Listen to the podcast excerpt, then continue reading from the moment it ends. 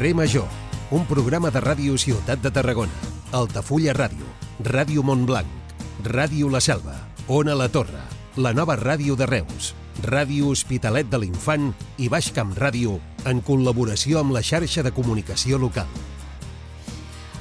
Hola, bona tarda i ben tornats després d'aquest parèntesi que han fet a Carrer Major per vacances de Nadal, dos, dues setmanetes de descans que ens han anat superbé. He aconseguit superar les vacances de Nadal sense agafar la Covid, ni la grip ni la passa de la panxa, que no sé vosaltres, però al meu voltant tothom anava caient com a mosques. De fet, de temes relacionats amb la Covid i la circulació aquests dies que va l'alça dels virus respiratoris, hi ha hagut reunió sense resultat entre el Ministeri de Sanitat i les comunitats autònomes. No s'hi han posat d'acord en l'obligació de que les mascaretes s'hagin de portar als centres sanitaris de tot l'Estat. Sí que és obligatori ja a Catalunya i al País Valencià. I, de fet, el que volia el Ministeri és que aquesta obligació, que d'un moment només està en vigor en aquests dos indrets, es fes extensiu a la resta de l'estat espanyol. Ara, això sí, eh, el govern espanyol ha dit que donarà cobertura legal a totes les autonomies que decideixin fer obligatori de nou l'ús de mascareta als centres sanitaris i, a més, es recomana, de fet, fer-la servir per evitar aquesta propagació que, com dèiem, va a l'alça eh, no només del virus de la Covid, sinó també de la grip i d'altres virus respiratoris com el rinovirus. De fet, avui experts han comparat la situació de la grip amb la que es va viure l'any anterior a la pandèmia, l'any 2018, i situen, eh, calculen que el pic podria arribar a finals d'aquesta setmana o la vinent. Per la seva banda, el Departament de Salut espera per demà dimarts eh, que s'arribi a les 10.000 visites a urgències per aquesta epidèmia de virus respiratoris. Una situació que, de fet, no és anòmala. En altres ocasions ja s'havia arribat a un pic, a un sostre d'11.000 consultes diàries. Aquest és un dels temes de la jornada, mentre van proliferant els encostipats i malalties similars. I, d'altra banda, en l'àmbit laboral, avui hi havia a Madrid també una reunió sobre el salari mínim interprofessional, que ha acabat sense acord entre govern, sindicats i patronal que es reuniran de nou aquesta setmana. Una qüestió que tractarem, de fet, o almenys li plantejarem mm, què en pensa, el nostre convidat avui, que és el nou president de la patronal tarragonina, de la CEPTA. Avui parlarem amb en Xavier Rigau en aquesta primera hora del programa, en aquesta primera hora de Carrer Major, el programa que fem vuit emissores del camp de Tarragona. Us acompanyem tot l'equip que el fem possible, l'Iris Rodríguez, l'Aleix Pérez, en David Fernández, la Gemma Bufies, la Cristina Artacho, la Diria Requesens, en Jonai González, en Pau Corbalan, l'Antoni Millado, Antoni Mateos, jo mateixa que sóc l'Anna Plaça i el Iago Moreno que tenim tocant tots els botons del món perquè això soni. Comencem! Carrer Major, Anna Plaza i Jonai González.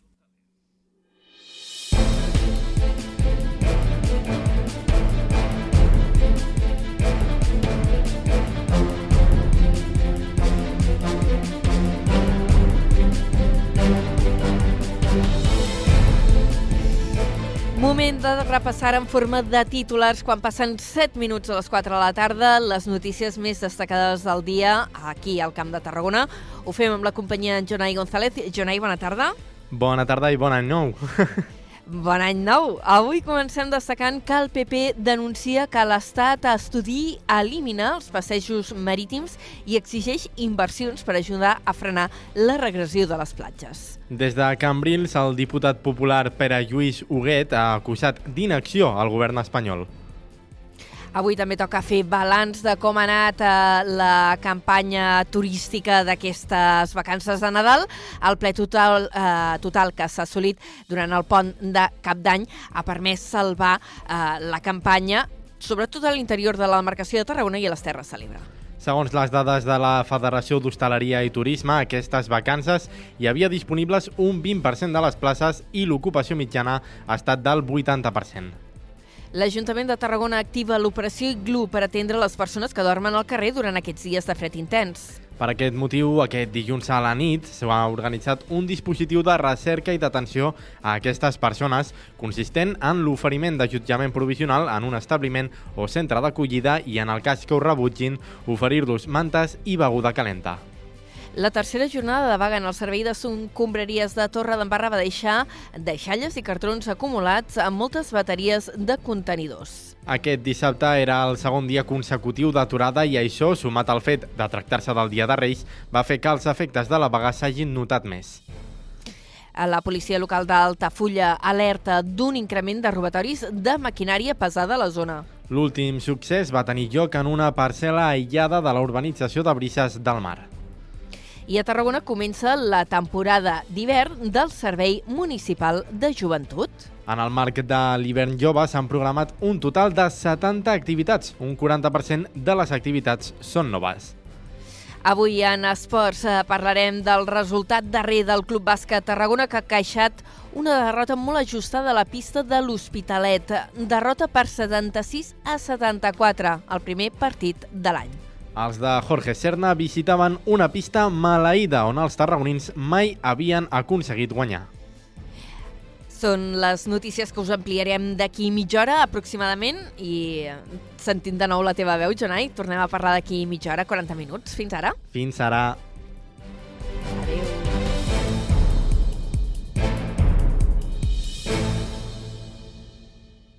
Carrer Major. Toni Mateos.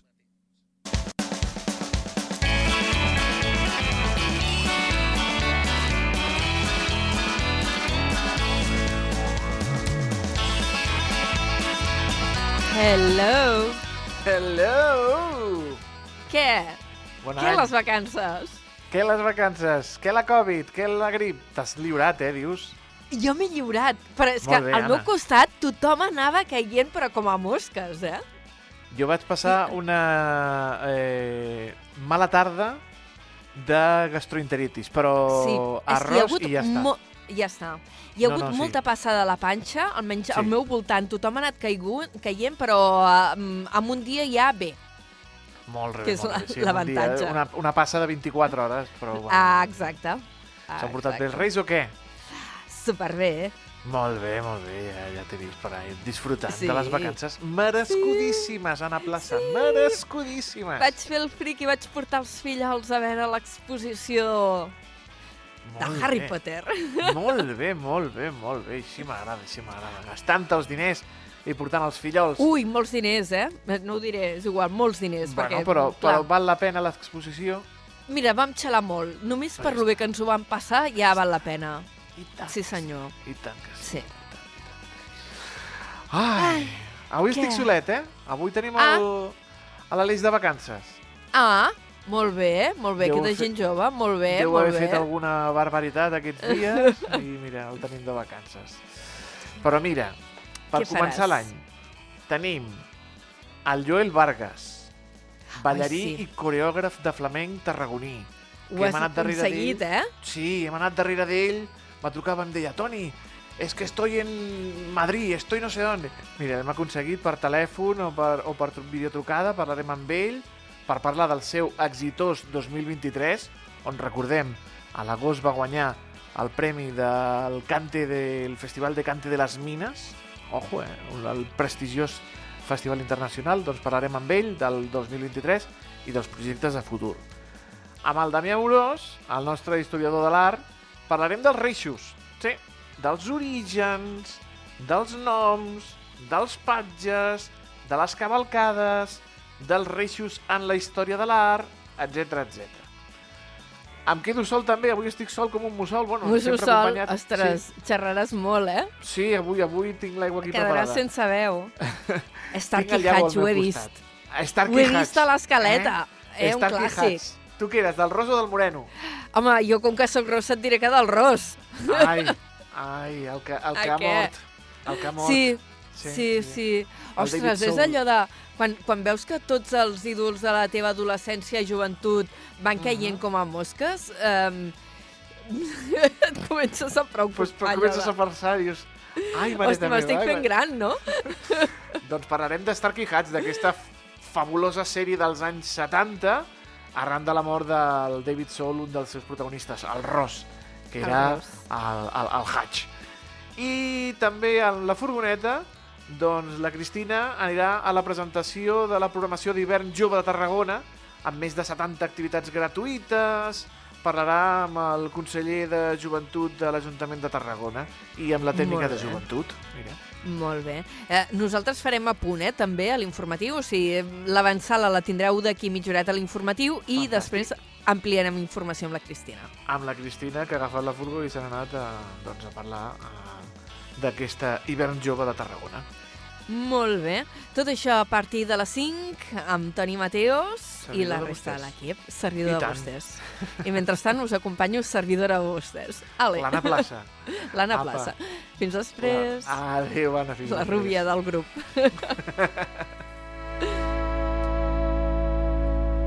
Cada tarda de dilluns a divendres fem parada a Carrer Major.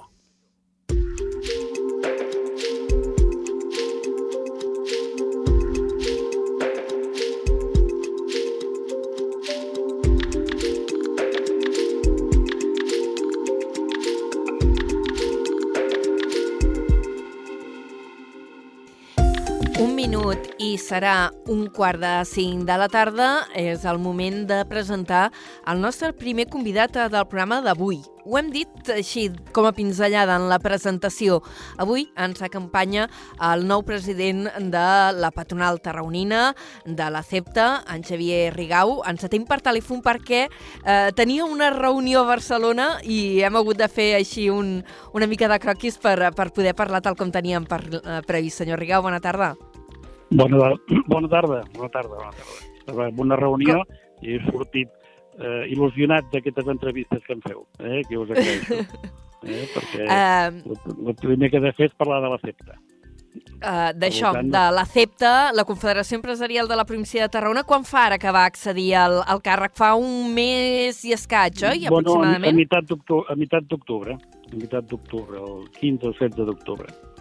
Mm. Mm. Ha, pres, ha pres el relleu d'Antoni Belmonte, que portava bastants anys ja al càrrec. Um, com, com han anat aquestes primeres setmanes de, de treball? Bueno, eh, m'estic situant. La veritat és que aquestes festes eh, he fet un brec absolut perquè estava cansat. Eh, no, no esperava que la CEPTA em portés tanta feina, perquè això eh, és quasi de dedicació exclusiva. Jo segueixo mantenint eh, alguna de les meves empreses i, i, i m'he de desdoblar perquè la CEPTA la veritat és que requereix molta atenció, hi ha molta gent que vol parlar, i ja, jo tinc interès en parlar amb, amb molta gent, amb molts sectors, amb la qual si es vol fer una bona feina, mm, no pares, no, no pares. No... Mm. Eh, Pesat, pesat però, però engrescador. S'ho imaginava que seria així? Eh, no tant, no tant. I, I he vist que, que hi ha molt interès en que la CEPTA funcioni, en que la CEPTA estigui present eh, en, molts, a tots els àmbits eh, socials, eh, empresarials, eh, de, de, de, de tot tipus, perquè doni la seva opinió i, i això la veritat és que m'encoratja. No, no, no puc dir res més que, que no m'ho esperava, pensava que, que al començament hauria de remar eh, perquè la gent m'escoltés i, i veritat és que no he de fer res perquè ja, ja m'ho demanen i això ho he d'agrair ho he d'agrair a tots els mitjans de comunicació i a tota la gent que em rep o que em demana parlar amb mi. Eh, La presentació la oficial la vau fer una miqueta abans de, de Nadal, eh, en què va venir eh, a acompanyar-lo el president de, de la patronal catalana de foment de, del treball, i en aquella ocasió vostè deia que la seva voluntat és modernitzar la CEPTA per consolidar-la com la casa gran dels empresaris de Tarragona. Eh, què implica aquesta modernització? Què vol dir això? Bueno, una, una, mica la modernització ve per conèixer exactament eh, tots els sectors, perquè la CEPTA d'alguna manera estava una mica deslligada. Est- Estem molt presents a la província i a la, a la ciutat al voltant de Tarragona. Eh, aquest, eh, jo vull trencar aquesta, aquesta idea que es pugui tenir. Primer, do, dos idees. Una que, està, que estem centrats a Tarragona i segon que, que tenim les, les grans empreses. I cap d'això és, és veritat. o si algú s'ho pensa, doncs el que, el que, la meva idea és canviar-li aquesta idea en què tothom, tothom eh, forma part de la CEPTA, tothom és important. Jo ara estic precisament en una reunió aquí a Foment del Treball i, i, i es parla de, de, de, de tots els temes que ens afecten eh, a tots, eh, des, de, des de la microempresa fins a la superempresa, eh, perquè, perquè de fet els problemes són, de molt, són molt semblants, encara que els petits puguin pensar que els grans tenen altres avantatges i al revés, no? I, i la modernització ve per aquí, ve per, per molta més presència en el tema de les xarxes socials, eh, tot el tema de, de, de, dels algoritmes, bueno, avançant en, en, avançant en aquest punt. No? La modernització avui en dia passa per, per canviar una estructura o unes idees una mica antiquades de gestió per, per una altra, perquè al fi i al cap l'accepta s'ha de comportar com una empresa, hem de, hem de quadrar els números, hem de fer un balanç de final d'any positiu i hem de fer coses. Vale? Quants socis teniu actualment? Perquè ara parlava bueno, d'això, no? de les, que, que pensem en les grans empreses, però que també n'hi ha de petites. Els, els socis, eh, en el nostre cas, el, el gruix del, dels nostres associats venen per les, les sectorials. Eh? Nosaltres eh, tenim gairebé totes les sectorials eh, representades, i jo, doncs, doncs, eh, doncs el turisme, la construcció, el transport, eh, el, el, el, sí, aquí podríem el, dir entitats, perquè clar, la CEPTES, això eh, poso una mica en context, és confederació, per tant, vosaltres teniu la Federació de Turisme, eh, la FED, que és la Federació de l'Autotransport, la IQT també? Doncs, la IQT també, sí, sí, sí, tot, tot, en principi totes les grans sectorials les tenim, les tenim dintre de, de la nostra, de la nostra eh, fins i tot junta executiva i junta directiva, eh, perquè tots, eh, tot, la veu d'aquesta gent d'aquests representants és bàsica per, per marcar-nos el rumb i jo poder transmetre doncs, tant a Foment del Treball com a la COE, com a tots els polítics i tots els sectors que jo parlo, doncs, transmetre aquestes inquietuds i aquestes necessitats. Eh, I què és el que li estan traslladant a, a aquests dies? Que diu, ostres, hi ha molta gent que em reclama i que estic tenint contactes ara amb l'un, ara amb l'altre. Eh, quines són les principals eh, inquietuds que està detectant per part de, de l'empresariat tarragoní? Sempre estem una mica amb el tema de les infraestructures, estem amb el tema, ara un tema molt important és el tema de l'aigua, eh, que, que, que totes, les, totes les empreses tenen un gran consum d'aigua i, i moltes vegades se culpabilitza les empreses del, de, del consum d'aigua eh, que, que impedeix doncs, que arribi altres eh, doncs, cantidats dels pagesos, que fi al cap també són, són empresaris, no? Tots, eh, aquesta lluita entre sectors i aquesta culpabilització d'uns als altres és el que d'alguna manera hauríem de, d'evitar, i ara hi ha una gran, una gran preocupació per la manca d'aigua, no? Hi ha papereres doncs, que, que, que, que veuen que, que han de portar els camions cisternes, s'encareix la producció, eh, bueno, aquí tenim un problema que, que, que s'està intentant resoldre per part de la Generalitat, però jo crec que hem arribat tard i malament, no? Però, I després hi ha tot el tema d'impostos, que estem en una situació eh, impositiva altíssima, i, i no sembla que de moment el govern tingui, ni, ni els ajuntaments ni els ens locals tinguin intenció de baixar-lo, sinó que ens l'estan pujant constantment, el qual això ens treu competitivitat. Hi ha, hi ha, hi ha el tema dels absentisme laboral, vull dir que ara ha sortit aquest matí sortia la idea de que el, el, els, els treballadors se poden fer una autobaixa de tres dies, de la qual encara si teníem absentisme, doncs això es pot disparar, perquè, clar, sense cap eh, prescripció metge ni res, doncs el, el, els tres primers dies, que a més són els que paguen les empreses, doncs el, els treballadors poden, se poden, donar, poden fer una baixa. Sí, això és impensable que, que, que, que, que pugui ser així. En moments d'excepcionalitat com era el Covid, doncs, bueno, es, es, pot, es pot mig acceptar, però en aquestes condicions actuals no. Si està saturat el sistema sanitari doncs, que posin més mitjans o que posin les mútues que totes les empreses tenim perquè facin aquesta feina, sé, altres solucions. De problemes en tenim un munt. A, a, aquest no, és una no cosa que, que, que, Això de les uh, autobaixes, que, que ja es va explicar en el, en el moment de, més intens de, de la Covid i que ara s'està plantejant també tenint en compte... Entenc que seria una mesura temporal entenc, eh, mentre hi hagi tants, tants casos d'infeccions respiratòries. Eh, però és una de les qüestions eh, que s'ha plantejat avui eh, a Madrid, però hi havia una altra que també li volia traslladar, eh, que és aquesta nova reunió sobre el salari mínim interprofessional eh, que ha acabat sense acord entre governs, sindicats i patronal. I aquí podríem dir eh, que repeteix l'esquema etern, no? del govern fa una proposta, els sindicats sempre diuen que no n'hi ha prou i les patronals que us poseu les mans al cap? Bueno, és, és, jo crec que és lògic, perquè si al cap nosaltres sabem els números de les empreses i sabem els costos, perquè després hi ha, hi ha coses que, per exemple, les licitacions d'obres, no? que una obra que dura 5 anys i que té un pressupost o dura 3 anys. Doncs eh, tu tens increments constantment, però després no et deixen incrementar el, el, el, el, el que tu cobraràs d'aquella obra, no? Eh, tu tens, tens tota una sèrie d'ofertes fetes per l'any que ve Eh, per, per aquest any de 2024, que, que havies pensat en uns increments determinats de la teva massa salarial, i si te la pugen més, doncs saps que, que pots, pots arribar a perdre diners, no? sobretot amb, amb, amb coses molt intensives, amb, amb, amb feines molt intensives en personal. Eh? Hi ha coses que, que, que, que, bueno, que hi ha, més màquina, més maquinària o més material, però hi ha moltes feines que són molt intensives en personal i aquest, i aquest increment d'un punt o dos punts de, que se't desviï eh, pot ser perdre o guanyar. Per tant, és molt important. El que passa és que el, el govern no ha fet eh, una mica d'amagatotis perquè ho posa dintre de la, de la votació i posarà també, doncs, clar, que unes coses que són populars, que, que és doncs, no pujar els IVA dels aliments o de l'electricitat i coses d'aquestes, i llavors, clar, qui diu que no amb això, no? El qual, doncs, eh, com que la votació serà una mica tot, tot, tot, tot barrejat, doncs ja veurem com acabarà això. Però no estem vull dir, s'hauria de pactar, s'hauria de pactar.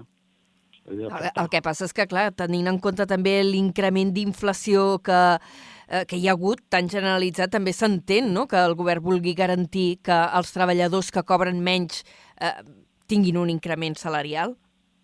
S'entén, s'entén. S'entén i, i nosaltres voldríem, eh, sempre diem sempre, al cap i a la fi, el, que el diner corri, que el diner es mogui, eh, ens beneficia a tots, vull dir, tant els que, els que consumeixen com els que produeixen. No? És important que, aquest, eh, que, que, que el treballador tingui suficient eh, diner com per eh, el treballador, la, la gent. Jo, jo sóc el primer en què m'incloc eh, per poder doncs, eh, comprar i, que la, i, i, i, i moure l'economia, no? els cotxes, el, la roba, tot, tot el que d'alguna manera eh, fabriquem i que fan anar les nostres empreses. Abans ha comentat que una de les coses que, que el preocupen eh, i que de fet és una constant també com a president de la CEPTA és tota la qüestió d'infraestructures. Ara aquesta tardor se'n va estrenar una eh, llargament esperada, reivindicada, potser ha calgut 20 anys per veure la feta una realitat, que és l'autovia A27 amb aquest darrer tram del túnel del Coll de l'Illa, eh, que permetia agilitar l'arribada eh, a Montblanc des de Valls. Eh, però un túnel mm, cap al sector empresarial també us planteja alguns dubtes eh, perquè no hi poden circular els eh, camions de la petroquímica, els camions de, de matèries perilloses per un tema de regulació de seguretat. Aquí heu demanat també solucions. I, clar, i hem, hem, hem demanat solucions. Primer que, que s'acabi la connexió amb l'autopista. Això és absurd que, que, que, que portem tants anys i no hagin acabat aquell, aquell darrer tros. També haurien d'acabar la, la, la, la, la, T, la T14, no? Vull dir, la, de, de la, la de Reus fins a, fins a Montblanc, no? I, des, i després eh, s'ha demanat que alguna de les mercaderies perilloses, o considerades perilloses, que no són explosives o com això, aquestes puguin passar. Però no, no, ho han eliminat tot. Amb la qual doncs, doncs eh, ens trobem que els camions han de seguir fent 50 quilòmetres més, eh, saturant una sèrie de vies que ja estan totalment saturades, i, i no hi ha maneres que no... El, el, el, el, el Ministeri no vol sentir parlar. No? Ells, ells han fet eh, aquest, aquí no passa cap mercaderia perillosa, quan dintre les mercaderies perilloses l'APQ o, o, o l'ADR doncs, eh, té, té com a 15 punts diferents de perillositat i, i, i tranquil·lament 7, 8 d'aquests punts, que són el 80% de les mercaderies, podrien passar per allí. A- Aquí entenc que la EQT potser està fent alguns passos per intentar corregir això o, o des de la CEPTA també els heu ajudat o esteu eh, mobilitzant-vos en el... Tinc, tinc previst la reunió amb la Ecotec, encara no, no, no per problemes d'agenda no l'han pogut tenir, eh, però estic, sí, sí, estic convençut que ells estan, estan espitjant en aquest sentit. Sí, sí, mm. nosaltres, lògicament, també. Eh, li volia Però- preguntar també per l'altre... Digui'm, digui'm.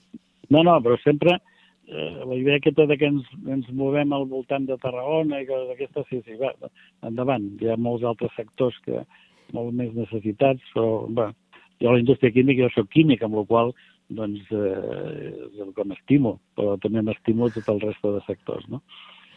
Endavant, ho deia per alguna qüestió, ho deia per alguna qüestió en especial o per què? No, no, no, no, pel tema de que sempre parlem de indústria química de Tarragona, estem centrats en Tarragona, el port, que són molt importants, però, però bueno, està el Priorat, està, hi, ha, hi, ha mil, hi ha mil sectors, hi ha mil sectors que, que tenen una, im- una importància, una importància capdalt, no? També. Però n'anem endavant, endavant, eh? no et vull tallar. No, no. L'altre tema que li anava a introduir també és tema d'aquests grossos, és en, en relació amb el tema dels aeroports, perquè, eh, com, com li deia abans, quan va venir eh, el Josep Sánchez Llibre en, en la presentació eh, ja de vostè com a president, eh, el president de Foment de Treball va venir aquí a Tarragona, eh, parlava de l'aposta que també es fa des de la patronal catalana per l'ampliació de l'aeroport del Prat. Aquest projecte, uns que hi ho veuen claríssim, els altres que no, i jo li pregunto, vostè com a president de la CEPTA, eh, creu que seria la millor opció o estaria d'acord amb aquells que diuen que deixem estar el Prat de banda i apostem pel creixement de l'aeroport de Reus?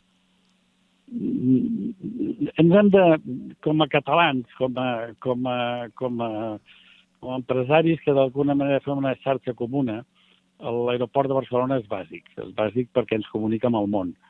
Eh? Llavors, tindre, tindre capacitat de fer, de ser un hub en què puguin, puguem connectar-nos a tot el món sense tindre que passar per, per Madrid o tindre que passar per Frankfurt o Amsterdam, eh, és, és important. Vull dir, l'aeroport de Barcelona està col·lapsat la majoria dels dies, amb la qual és necessària aquesta tercera pista, eh, necessària, que no entenem perquè el govern, eh, per certes dubtes, va, va perdre un, una injecció de 2.000 milions que al final se'n va anar a barajes eh, per, per, fer la, per, per ja començar amb el tema aquest, no? bueno, ara hem d'esperar quatre anys més perquè això es pugui, si, si es vol fer, doncs quatre anys més perquè això es pugui d'alguna manera materialitzar. Que això no té res a veure amb l'aeroport de, de Reus. L'aeroport de Reus té un altre tipus de clientela.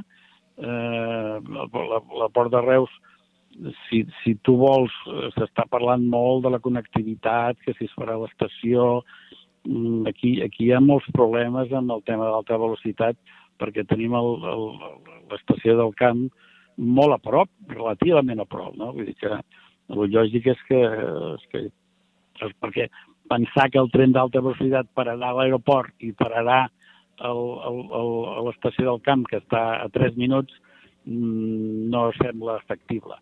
Llavors, doncs, eh, hi, ha molt, hi, ha, hi ha molt a estudiar. Lògicament, a l'aeroport de, de Reus, la, els primers que n'hi hem de creure som nosaltres mateixos. En vez d'anar a Barcelona per anar a buscar, per anar, perquè no hi ha res més, però bueno, eh, el, el reivindicar que nosaltres necessitem més vols nacionals eh, cap a Madrid, cap a, cap a Mallorca, cap a, cap a París i coses d'aquestes, això, mm, el territori... pr- Primer hem d'aconseguir que, hagi, que, que nosaltres aprofitem molt bé quan, quan, quan hi hagi els vols, eh, que, que, que la gent del territori el, el faci servir. Perquè llavors vol dir que la, vol- voldrà dir que les empreses que el Ryanair, el, els, els, que vulguin, els que vulguin operar per costos o per oportunitat al, a l'aeroport de Reus vegin que hi ha una veritable demanda del territori i no sols per portar turistes. No? I, bueno, aquí estem una mica discutint el tema de transport, hi ha molt a parlar. Vale? No, no t'he no t'he dit que no, eh? No t'he dit que no, però dic que nosaltres som els primers que ens hem de creure, perquè a vegades parlar, escolta, necessitem un aeroport, no, però aquí mira, si la gent... Bueno, eh, entens una mica el, per on vaig. Sí. Uh, hem fet una primera pesa de contacte, senyor Rigau, avui. Vull dir, a mi m'han quedat moltes preguntes al tinter, però els dilluns els tenim molt apretats de continguts perquè ara anem a parlar d'esports i li hauré de dir adeu. El deixaré que continuï amb la reunió i segur que una mica més endavant al llarg de la temporada tindrem oportunitat de parlar de nou. Moltíssimes gràcies per atendre'ns. A Valtros per, eh, per, per demanar-m'ho i sempre molt agraït. I sempre a la vostra En contacte. Bona Perfecte, tarda i bon moltes... any. Igualment. Adéu-siau.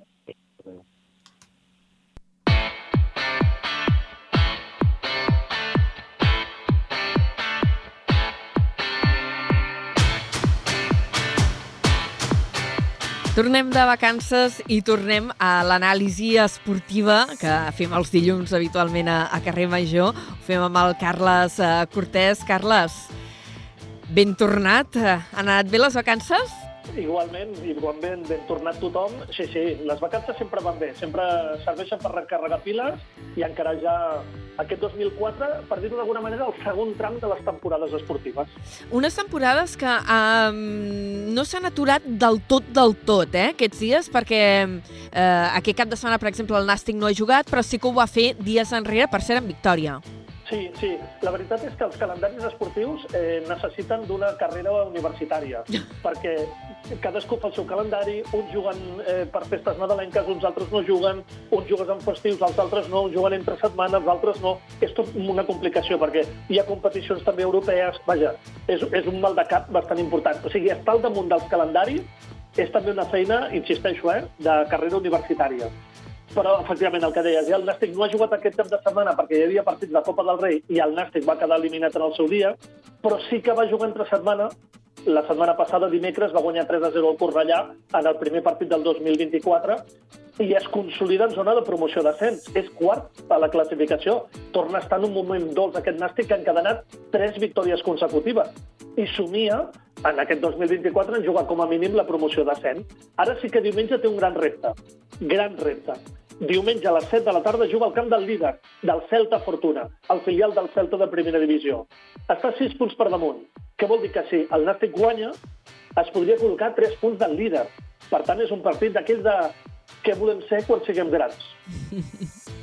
Escolta, això és d'infart, no? Perquè, eh, mentre anaves dient, anava perquè ja ho hem comentat en algun altre programa, eh, que estan molt igualats tots els eh, partits eh, d'aquesta categoria. Eh, això deixa les opcions molt obertes fins al final gairebé, no? A no ser que Sí. passi un dalta baix a, a, a, en les pròximes jornades. Sí, això de cara a l'espectador és molt positiu, perquè vol dir que sempre hi ha emoció, que un poder de la categoria pot guanyar el líder.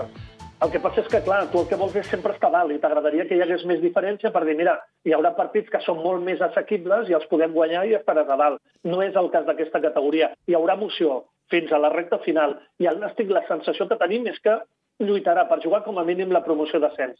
Si la juga o no, és una altra pel·lícula, però que lluitarà fins l'última jornada per poder accedir en aquests llocs d'honor, la sensació que tenim ara mateix és aquesta, que sí que podrà lluitar per això. Però, compte, eh? Només portem 18 jornades. O sigui, no hem arribat ni al final de la primera volta. Per tant, queda molta lliga encara, molts partits, eh, i veurem si aquest equip és regular i pot acabar estant a dalt a la, a la, al tram final de la temporada. I els altres equips de futbol, com els hi ha anat aquests dies? Un desastre absolut. O sigui, si poguéssim eliminar la jornada d'aquest cap de setmana de tercera federació, seria millor eliminar-la, com si no hagués existit. Perquè va perdre el Reus al camp del Vilassar, va perdre la Pobla a casa 0-2 amb el Badalona i va perdre la Rapitenca 1-0 al camp del Tona. Per tant, els tres representants de tercera federació han perdut el primer partit de l'any. La sort de tot plegat és que, escolta, queden moltes jornades i res, és passar full i pensar en els partits de la pròxima jornada. El Reus es manté en zona de promoció d'ascens, la Paula està en terra de ningú, no sap si mirar per amunt o per avall, per amunt per intentar jugar a la promoció o per avall per allunyar-se del descens, i la Rapitenca, recordem-ho, està en zona de descens a 4 punts de la permanència. A la Rapitenca, jo en cada programa et dic que em muntaré una, faré una pancarta, allò, salvem la Sí. Rapitenca, pobrets, és que m'estan arribant al cor, eh? No, però, però escolta'm, la- hauràs de fer una pancarta cada setmana, eh? perquè tinc la sensació que el destí de la Rapitenca en aquest 2024 És serà lluitar per evitar, sí, lluitar per evitar el descens. Per tant, cada setmana estarem allà, va, que s'enganxa la permanència, a veure si una victòria... Vull dir, estarem allà totes les setmanes, eh? Escolta, parlem ara d'hoquei, si et sembla. Sí.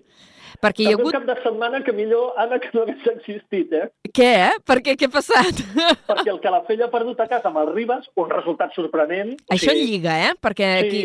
Digues. Sí, sí, lli- lliga, lliga, perquè el Calafell és superior al Ribas, però va perdre 3 de 5 en l'estrena d'aquest eh, d'aquest 2024. Per tant, derrota del Calafell, i el Reus va empatar a casa amb el Girona, que també podríem dir que és un resultat, entre cometes, sorpresa. El Reus, a priori, és favorit per guanyar el Girona i van acabar empat a dos en un partit que es va jugar al Palau d'Esports del Reus Deportiu. Per tant, no han estat bons resultats del cap de setmana. Sí que és veritat que els dos equips estan allà a la part alta de la classificació, el Reus 19 punts, Calafell 18, el Reus 6è, Calafell 9è, però amb els dos primers hi ha un tall, el Barça està disparadíssim i el Noi està amb 28 punts, però després hi ha Sant Just, Voltregà, Alcoi, Reus Deportiu, Calafell, Liceo, hi ha molts equips que estan en dos punts. I aquesta és la bona notícia tant pel Calafell com pel Reus, que poden aspirar fins i tot al tercer lloc de la Lliga regular.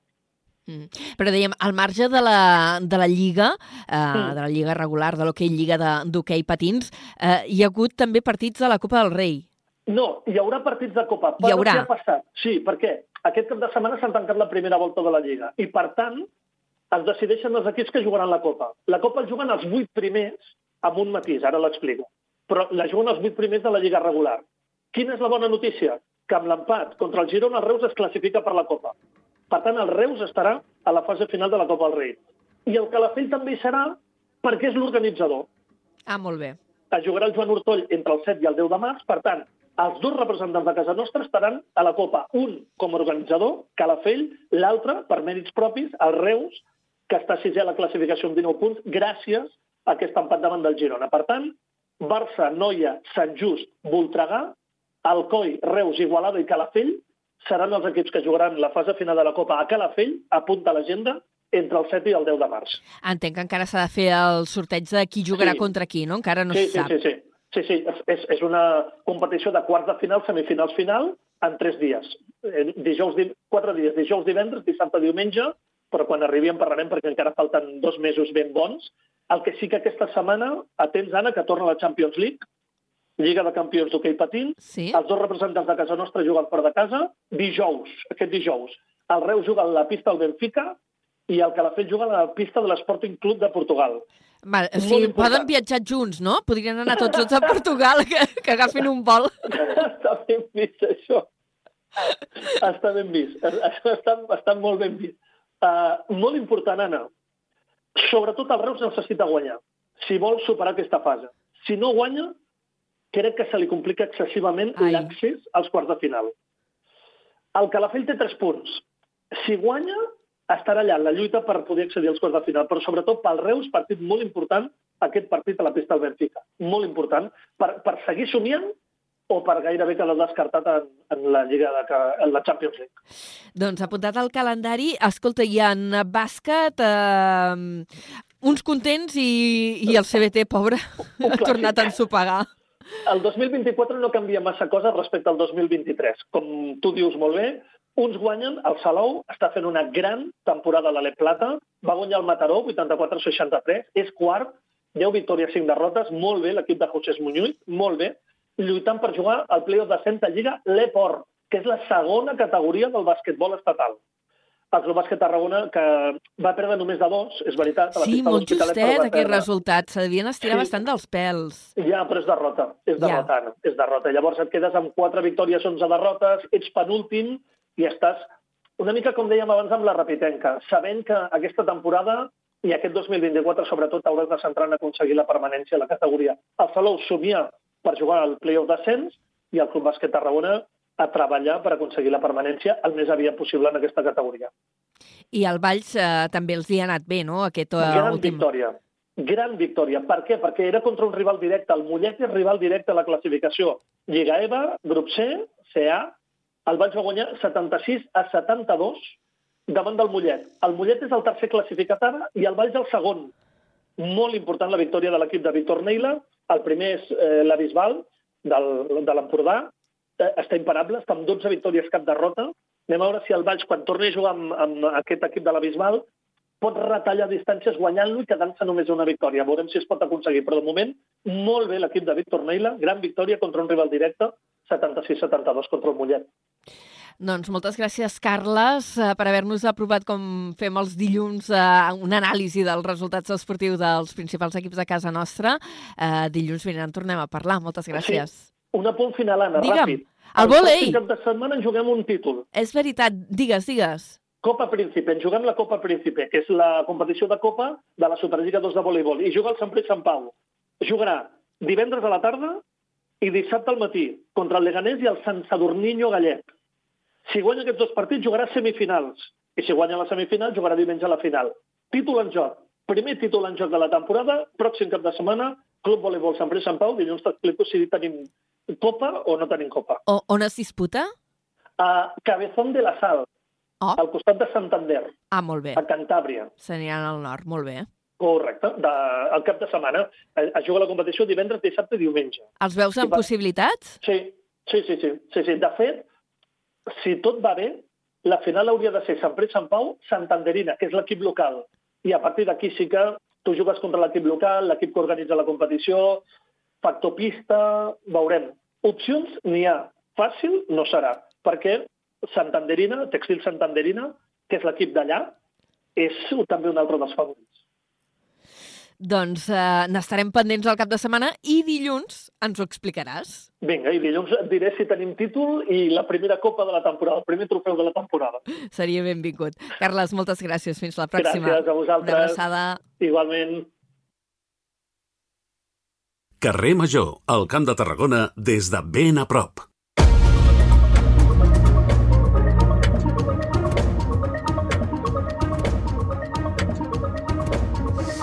En punt gairebé un quart de cinc de la tarda i ara ens endinsem, ja us ho dèiem abans, amb el detall de l'actualitat. Avui eh, comencem en destacant declaracions del Partit eh, Popular que denuncia que l'Estat vol eliminar els passejos marítims i exigeix inversions que ajudin a frenar la regressió de les platges.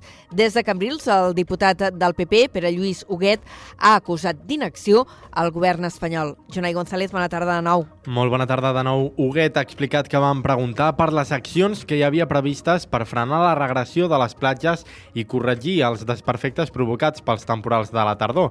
Ha manifestat que els va sorprendre saber que no hi havia pressupost i que, a més, el plantejament de l'Estat és acabar eliminant els passejos marítims. El PP creu que aquesta mesura seria contraproduent. I el més sorprenent de tot és que eh, un dels plantejaments del Ministeri és eliminar els passejos marítims. Mirin, eh, ja, ja fa temps que, que rondava aquesta idea, que se sentia, però no s'havia posat mai per escrit. I aquí ho tenim per escrit. La resposta del Ministeri és que un dels plantejaments és eliminar els passejos marítims de la nostra costa. I aquesta no és la solució. Pensin que els passejos marítims és una part important de la nostra costa, de, de, de, de, de lo que venen a visitants molt, molts turistes i a passejar pels nostres països. És una part important de l'economia de la nostra costa. I es parla en concret doncs, de la possibilitat de desaparèixer el passeig marítim d'Altafulla i el de Roda de Barà. Els temporals de tardor van provocar danys importants al passejos d'Altafulla i Roda aquesta setmana i ha previst un nou temporal de llevant. Farem també valoració de com ha anat la campanya turística de Nadal, en què un ple total eh, assolit durant el pont de Cap d'Any ha permès salvar eh, aquests dies de vacances pel que fa a ocupació, sobretot a l'interior de la demarcació de Tarragona i a les Terres de l'Ebre.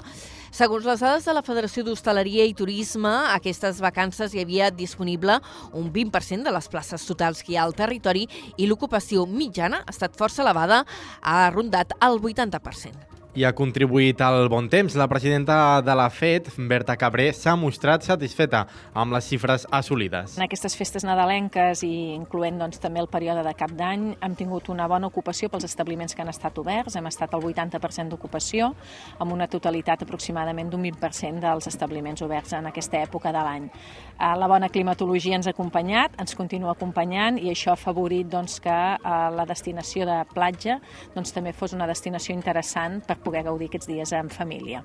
Malgrat que la majoria dels visitants durant les festes de Nadal han estat nacionals, també se n'han registrat d'internacionals, especialment alemanys i belgues. L'altra gran federació del sector turístic al territori, l'Associació d'Empresaris d'Hostaleria de Tarragona, també s'ha mostrat satisfeta amb l'activitat registrada aquests dies, sobretot pel que fa a la restauració. Anem ara cap a Tarragona, on l'Ajuntament ha anunciat avui que ha activat ja la fase 2 de l'operació IGLU. Es tracta del dispositiu per atendre les persones sense sostre eh, que sortiran ja aquesta nit al carrer per oferir recursos a aquestes persones per combatre les baixes temperatures. Per aquest motiu, aquest dilluns a la nit s'ha organitzat un dispositiu de recerca i d'atenció a aquestes persones consistent en l'oferiment d'allotjament provisional en un establiment o centre d'acollida i, en el cas que ho rebutgin, oferir-los mantes i beguda calenta. Cal recordar que en el darrer recompte de persones sense sostre, el passat mes d'octubre, se'n van comptabilitzar 78 i en la darrera operació IGLU d'ara fa un any aproximadament se'n van allotjar unes 12. Per tant, aquesta tasca és, es fa del tot necessària en nits de baixada forta de les temperatures, com la d'avui, on els termòmetres podrien marcar xifres sota zero. I un ensurt que s'ha viscut eh, aquest matí al centre de Valls, una botiga del carrer Vallvera, ha vist eh, com cedia el fals sostre i s'ensorrava parcialment poca estona després que s'obrissin les portes al públic. Segons s'han fet saber els serveis d'emergència desplaçats a la zona, en aquell moment a l'interior del recinte hi havia la dependenta i un client, els quals han resultat il·lesos. Actualment, l'establiment roman tancat a l'espera que els tècnics facin les comprovacions per esbrinar les causes que han pogut provocar l'incident.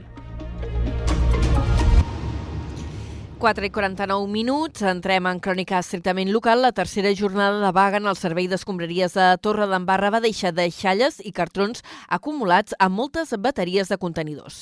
Aquest dissabte era el segon dia consecutiu d'aturada i això, sumat al fet de tractar-se del Dia de Reis, va fer que els efectes de la vaga s'hagin notat més.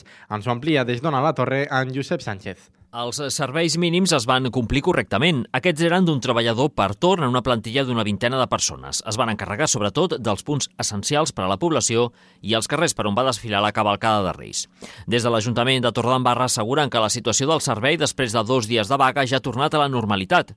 El regidor de residus, Raül Garcia, apunta que ahir diumenge es van recollir totes les restes que van quedar acumulades en els dos dies anteriors. Hi havia bateries, certes bateries durant en, varios, en diversos llocs del poble on van patir desbordaments de, de bosses de la brossa, però a partir del 7 de gener a les 0 hores, és a dir, a la matinada del 7 de gener, doncs també cal eh, destacar el sobreesforç que van fer els treballadors i la pròpia empresa per restablir la, la normalitat. El govern municipal espera que treballadors i l'empresa Precero, concessionària del servei, arribin aviat a un acord. Des de la representació dels empleats asseguren que no tenen cap resposta de la companyia i asseguren que aquesta setmana estudiaran si emprenen noves mesures. I a Altafulla, la policia local alerta d'un augment de robatoris de maquinària pesada a la zona. L'últim succés va tenir lloc en una parcel·la aïllada de la urbanització de Brises del Mar. Ens ho explica des d'Altafulla Ràdio la Carol Cupota. La denúncia del propietari d'un tractor que va ser robat a Brises del Mar ha posat en alerta els cossos policials sobre una possible dinàmica creixent d'interès il·lícit en maquinària pesant. Així es desprèn d'aquest mateix fet i d'un altre de similar que ha tingut lloc durant les festes a Torredembarra, amb el robatori, en aquest cas, de la màquina tractora d'un camió a la zona del polígon, ben a prop d'aquesta urbanització altafollenca. Des de la policia local d'Altafulla, el sergent Jordi Gil explica que els fets es van produir en una parcel·la força allunyada del nucli de Brises i amb un accés complicat. Autors eh, desconeguts perquè entenem que han estat més d'una persona, ja que han hagut de fer servir maquinària pesada, se'n van endur un tractor, un tractor que no funcionava, no, no era un tractor nou, era un tractor força vell i estava, eh, estava en desús. Eh, entenem que amb algun camió grua, amb alguna ploma, doncs se l'han emportat. Gil explica que la coincidència del robatori agrícola a Brises i de la tractora a Torre d'Embarra fa pensar que per la zona hi ha algú buscant aquest tipus d'objectius i ho fa tot conduint un vehicle com una grua o un camió de càrrega que permeti endur-se aquest tipus de botí. I a Tarragona, l'Ajuntament anuncia que se substituirà l'enllumenat de la Rambla Nova per llums leds des de dalt de tot, des de Roger de Llúria fins a la plaça de la Generalitat. En total es canviaran més de 500 punts de llum. Ens ho explica des de Ràdio Ciutat de Tarragona la Cristina Artacho. Aquesta primera acció forma part d'un projecte que substituirà un total de 3.000 punts de llum a tota la ciutat. També es reforçarà la il·luminació dels punts més foscos. Ja ha sortit la licitació del projecte, que té un pressupost de prop de 450.000 euros. Segons avançava el diari de Tarragona i com especifica el projecte, el canvi comportarà un estalvi econòmic de 80.000 euros l'any. D'aquesta manera, en sis anys, l'Ajuntament recuperaria la inversió inicial. Alhora també s'estalviarà energia i es reduiran les emissions de CO2. El canvi en l'enllumenat es prolongarà durant sis mesos. En la primera fase s'intervindran 570 punts de llum, concretament 403 a la Rambla Nova, 13 al carrer Méndez Núñez i 154 a la Rambla President Companys. També es millorarà la il·luminació de diversos monuments de la ciutat, com el de Roger de Llúria, el dels Castells i el dels Herois. I a Reus, l'agrupació de comerciants al Tom de Reus ha organitzat una replantada d'avets de Nadal per donar-los una nova vida. Per aquest motiu fa una crida tant a botiguers com a particulars que vulguin replantar els seus avets. Des de la nova ràdio de Reus en té més detalls en David Fernández. La Unió de Comerciants al Tom de Reus ha promogut enguany que els seus associats apostessin pels avets de Nadal naturals. Ara tenen la intenció de donar-los una nova vida i per això promouen una proposta per replantar-los, concretament a la zona dels masos d'en Calzaran, situada entre Prades, Siurana i la Febró. Per aquest motiu, el Tom de Reus fa una crida a botiguers, però també a particulars que vulguin replantar els seus avets naturals. Jacint Pallejà és el president del Tom de Reus. Que el Tom de Reus hem apostat a aquesta campanya nadalenca, a part de fer diferents sortejos i de més, doncs a decorar els establiments que tenien l'espai per poder-ho fer eh, doncs amb avets naturals. No? Aquests avets naturals, tal com vam dir, tenim intenció de replantar-los. Si hi ha famílies que tinguin un avet natural i també volen eh, replantar-lo, doncs també eh, s'hi poden afegir. La replantació dels avets tindrà lloc el diumenge 14 de gener i totes aquelles persones interessades han d'adreçar-se al Tom de Reus o a algun dels seus establiments. I abans de passar als esports, un apunt breu perquè s'ha posat en marxa ja la programació eh, d'hivern eh, de joventut a Tarragona, eh, una programació que inclou una setantena de novetats, un 40% de les quals eh, són noves, i en parlarem amb més detall a la segona hora amb la furgó que farà la Cristina Artacho. Dit això, anem als esports.